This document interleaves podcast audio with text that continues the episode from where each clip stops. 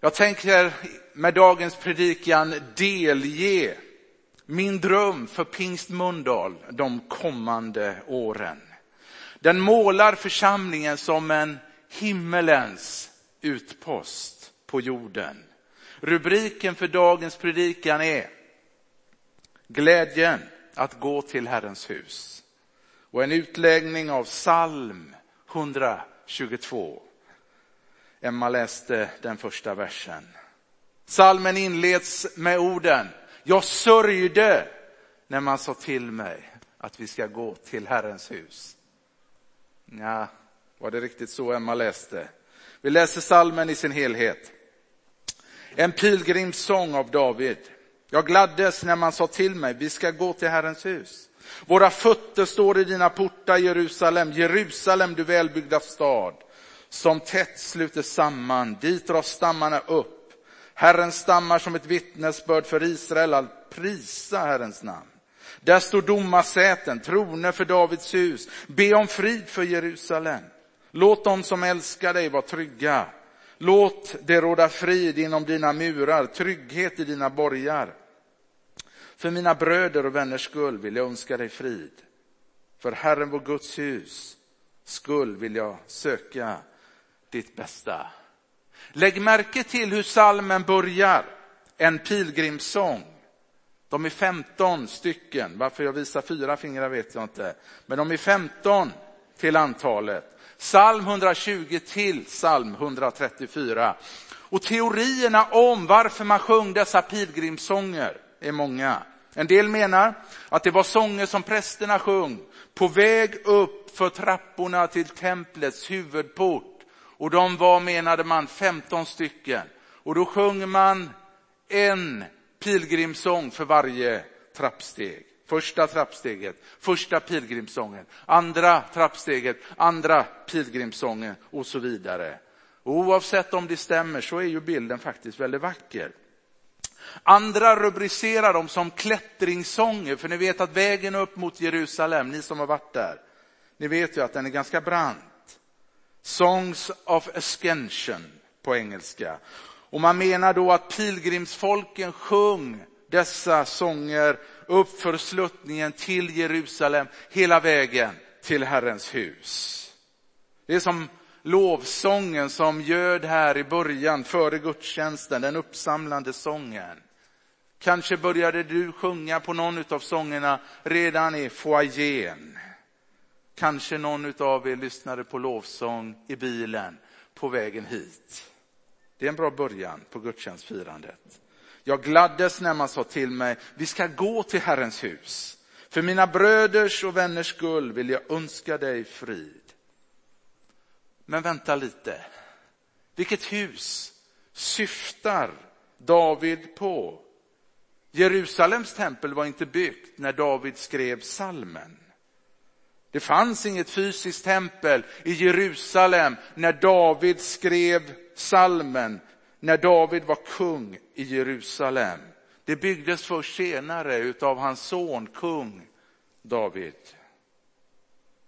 En del bibelforskare tror därför att det omöjligen kan ha varit David som skrev psalm 122. Så frågan är då, hur ska vi förstå David när han skriver, jag gladdes när man sa till mig, vi ska gå till Herrens hus. Låt oss titta på vad Herrens hus betyder på andra ställen i Bibeln.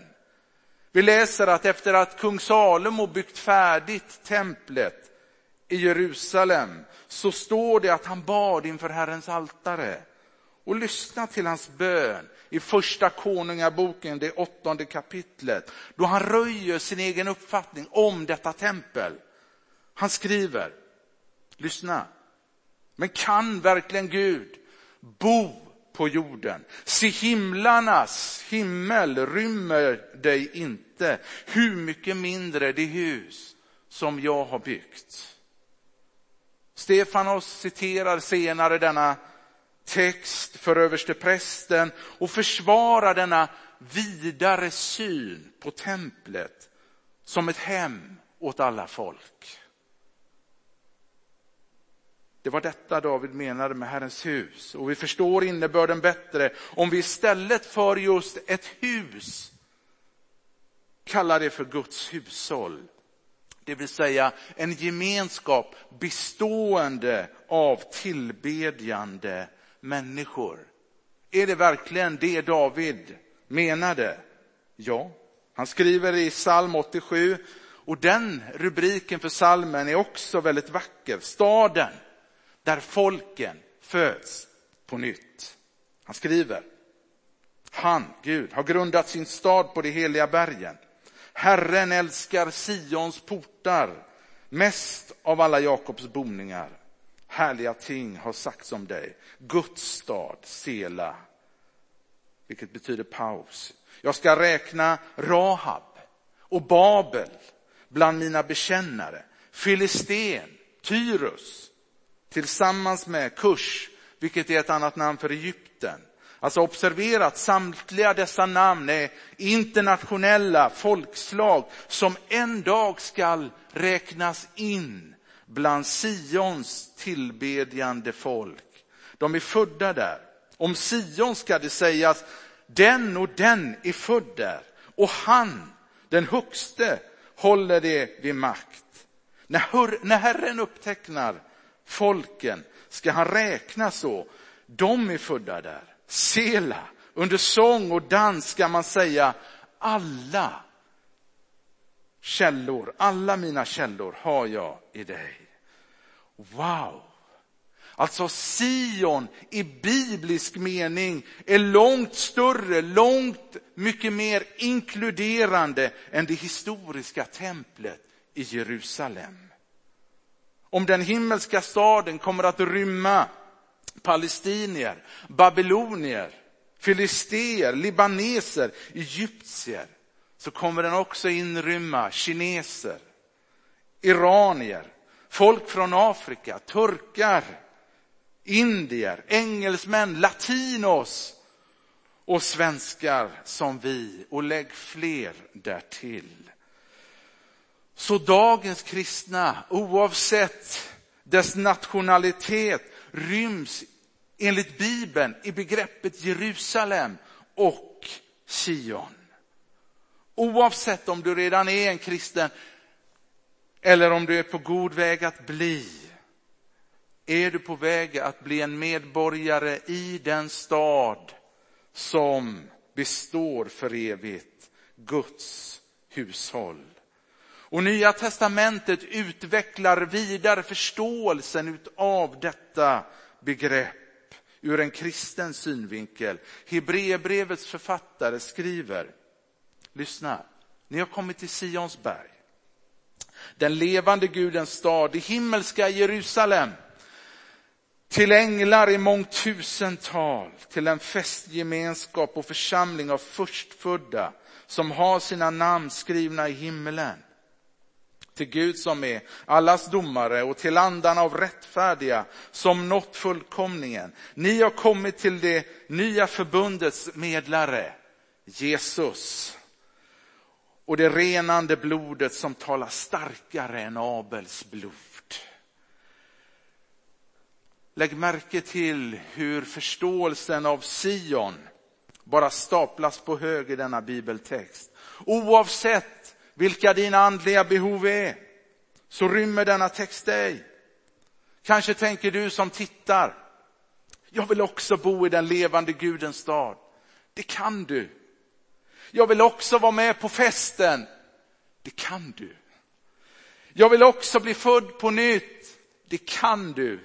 Jag vill också ha mitt namn skrivet i himlen. Det kan du. Jag vill också tillhöra det nya förbundet. Det kan du. Men vad ska jag då göra? Texten svarar, kom till Jesus. Säg ditt ja till Jesus. Först då blir det himmelska Jerusalem också ditt andliga hem. Det hus som David gladdes över att få gå till var alltså långt mycket större än det tempel som kung Salomo skulle uppföra långt senare. Vad kännetecknar då denna gemenskap av ett tillbedjande folk? Guds hushåll är attraktivt och glädjefyllt. Och glädjen är förståelig, för vi läser där i att i Guds hushåll blir trasigt helt. Jerusalem, du välbyggda stad, som tätt sluter samman.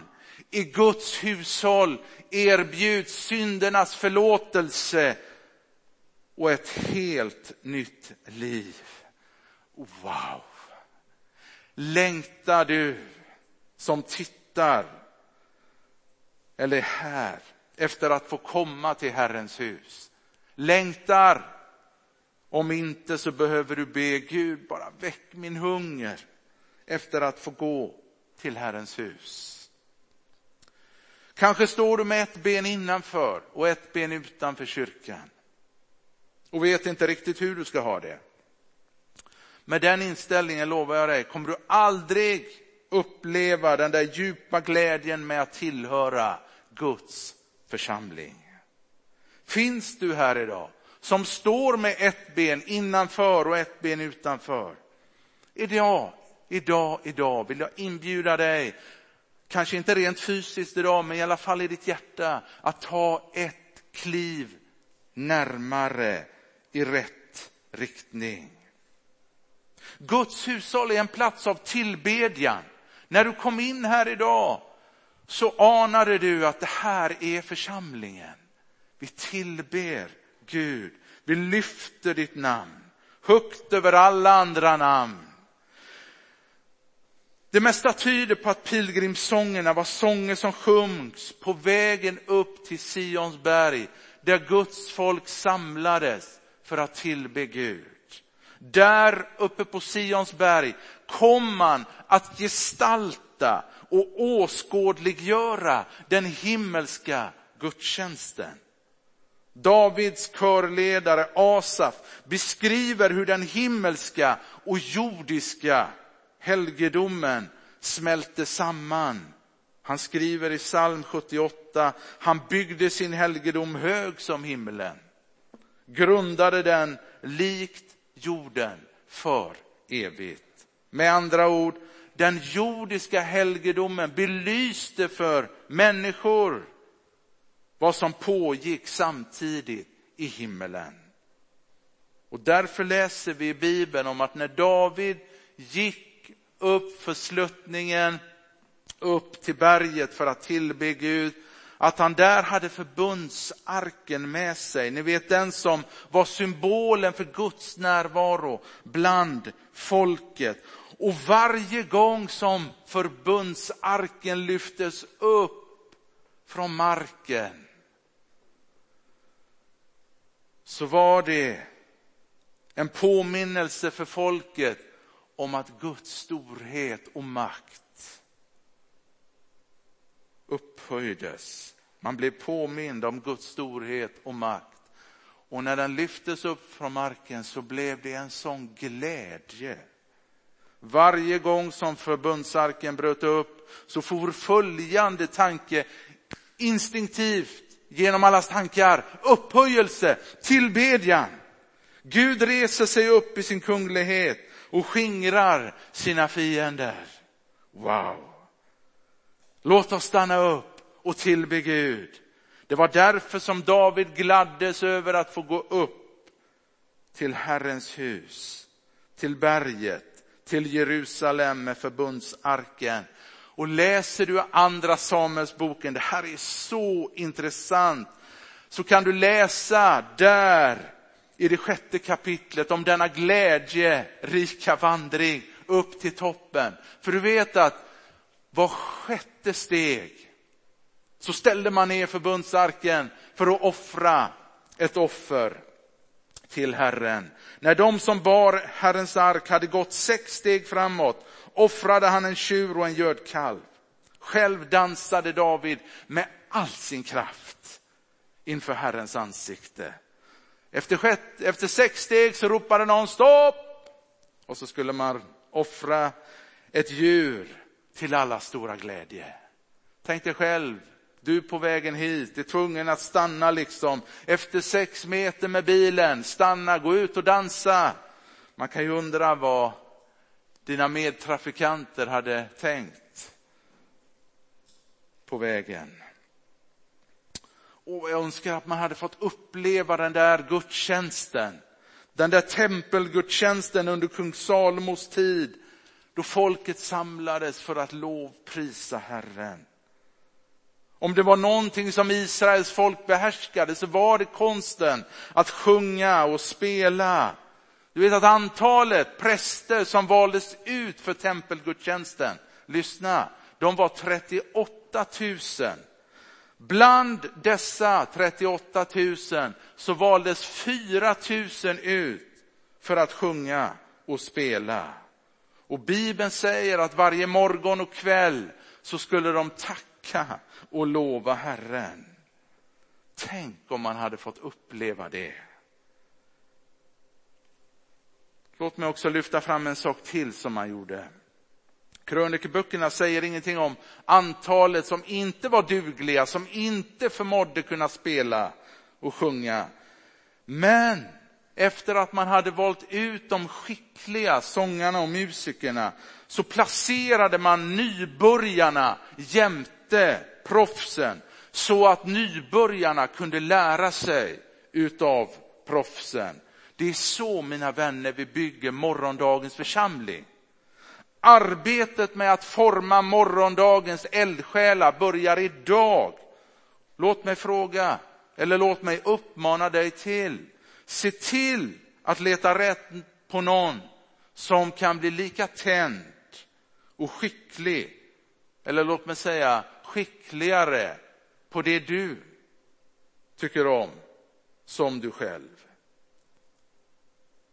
För det tredje och för det sista, Guds hushåll är en omtänksam plats. Hur kommer det sig att vi behöver be om frid när församlingen är Guds hus, Guds hushåll? Man tänker liksom, löser inte den saken sig själv? Uppenbarligen inte. Guds församling består av dyrbara, Guds dyrbara ögonstenar av människor. Guds församling består av människor. Därför ber David för alla människor, inte bara sina bröder. För mina bröders och vänners skull vill jag önska dig frid. Jesus sa mitt på tempelplatsen, mitt hus ska kallas ett bönens hus för alla folk. Det är därför vi har bönemöten i den här kyrkan. Det är liksom platsen, bönemötena är platsen där dina och mina individuella behov, där din och min hunger efter Gud strålar samman. Under mina år som pastor har jag varit på otaliga bönemöten och jag måste säga faktiskt, jag älskar bönemöten. För mig är bönemöten som bäst när någon tar mod till sig och säger, snälla kan inte ni be för mig? Eller när någon säger, kan jag få be för dig? Bland det bästa som du kan göra för en annan människa, det är att be för honom eller henne, även om det råkar vara din ovän. Och jag ska säga varför. För det första, om du menar allvar med din bön så kommer också Gud medan du ber föröka din kärlek till den du ber för. För det andra är det ju väldigt svårt att tala illa om någon efter att man har bett för honom eller henne. Församlingens bästa hälsokur stavas bön. Jag tror en församling hade inte haft några problem om vi hade haft fulla bönemöten. Därför att då hade församlingen bara älskat varandra och behoven hade inte varit liksom dolda utan man hade kanske vågat att säga, be för mig.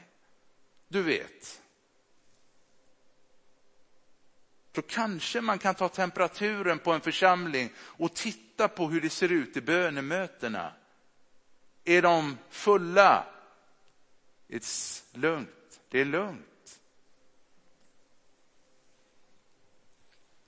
Åh, vad jag hoppas att du ska upptäcka bönens kraft dess glädje och gemenskap. Inte undra på att de första kristna, och nu talar vi om, om vi nu vill säga så, om pingstvänner, inte undra på att de firade gudstjänst och bad tillsammans i innerlig glädje, i sann himmelsk anda. Jag hoppas att dagens predikan har väckt lusten hos dig att vilja gå all in i församlingen. För personligen älskar jag församlingen.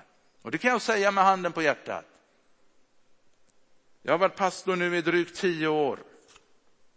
Och jag hade gett upp för länge sedan om det inte var för att jag älskade församlingen.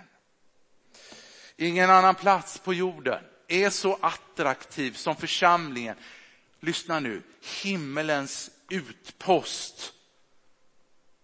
När församlingen fungerar som den ska. Vill du vara en del av det? Det finns plats för dig här. Paulus han skriver i första Korintierbrevet i 14 kapitlet om en församlingsgemenskap där hela församlingen är i funktion. Alla var delaktiga, så även i gudstjänsten. Några sjöng sånger, andra salmer, några undervisade, andra frambar uppenbarelse, några talade i tungor, andra uttydde, uttydde. Allt under ordnade former. Alla deltog. Om du visste vad jag längtar efter att få se fler komma i funktion i församlingen. Men pastorn, säg vad ska jag göra då? I veckan så träffade jag delar av barnrådet och fick höra att det behövs söndagsskollärare i församlingen.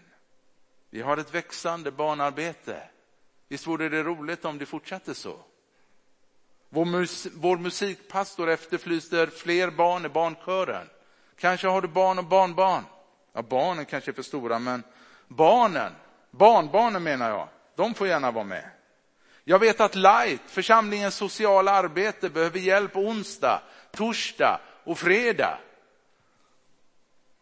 Jag vet att vår second hand-butik, Daniel skulle vara jätteglad här nu tror jag. De behöver folk på lördagarna. Vi behöver bemanna butiken. Vad brinner du för? Någonting brinner du väl för? Kom gärna och berätta. Åh, vad roligt. Tillsammans så blir ju församlingsarbetet så mycket roligare. Eller hur? Står du med ett ben innanför och ett ben utanför. Idag kan du få ta ett kliv i rätt riktning. Vill du som lyssnar tillhöra den levande Gudens församling?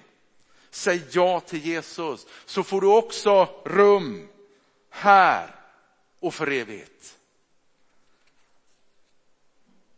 Min dröm är att invånarna i den här staden ska få lära känna himlens Gud genom oss. Var du än går fram så kan du lämna doftspår av himlen efter dig. Tänk vad underbart. Folk bara, vänta lite. Den där doften, den var attraktiv. Vet du, jag tror en dag så kommer människor i den här stan säga om oss i Pingsmundal, i Sionförsamlingen, i Pingsmundal, där bor verkligen Gud. I den församlingen, i den Gudens gemenskap vill jag också vara en del. Nu och för evigt. Låt oss be. Helige Gud, jag tackar dig Tackar dig för församlingen så som den var tänkt, Herre. Jag vill tacka dig Gud för den verklighet som vi nog någonstans anar inte bara är liksom en känsla utan Gud, det är liksom verkligheten med stort V. Den himmelska verkligheten får liksom på något sätt anas här nere på jorden. Och genom att vi firar gudstjänst tillsammans på detta vis så får vi liksom en försmak, en förnimmelse utav det himmelska. Och Gud, att vi släppte efter på det himmelska. Att vi Gud gick all in i din församling. Att vi liksom inte bara nöjer oss med att ha smakat i Gud utan att vi också säger ge oss alltihopa. Herre, jag ber idag om en församling som både är här och som tittar hemifrån, som går all in, Herre. Jag vill tacka dig Gud. Tack barmhärtige Fader för att du är den som håller din församling i din stora varma hand. Tack för att du har koll på läget Herre. Herre, du ser varenda en. Den som vi kanske ibland har lätt för att glömma, Herre, den ser du. Tack för att du kan ge oss sådana namn och personer på våra liksom, sinnen, tankar, Herre. Vi kan få de namnen till oss och vi kan få på det sättet visa på omsorg, Herre. Vi tackar dig, gode Gud. Det finns ingen bättre plats på jorden att få vara en del av än Guds församling. Vi ber att fler ska förstå detta, Herre. Att fler ska förstå att det är någonting med Pingst Mundal som vi inte riktigt får grepp om, vilket är förståeligt, Herre, därför att din församling, Herre, den ryms liksom inte i den fysiska byggnaden, utan Herre, den är så mycket större. Jag vill tacka dig Gud. Jag är så glad att jag fick bli frälst en dag, Herre. Att jag fann dig och att jag genom Bibelns ord har upptäckt Gud, att Bibeln är inte stum, utan Bibeln är ett tilltal in i varje tid, Herre. Ett direkt tilltal, ett direkt upprop från ditt eget hjärta, från dig själv till oss och du frågar oss, hur vill du ha det? Hur vill du ha det? Herre, tack gode Gud. Välkommen till denna plats, Herre. Välkommen in i våra öppna hjärtan. Vi ber i Jesu namn. Amen.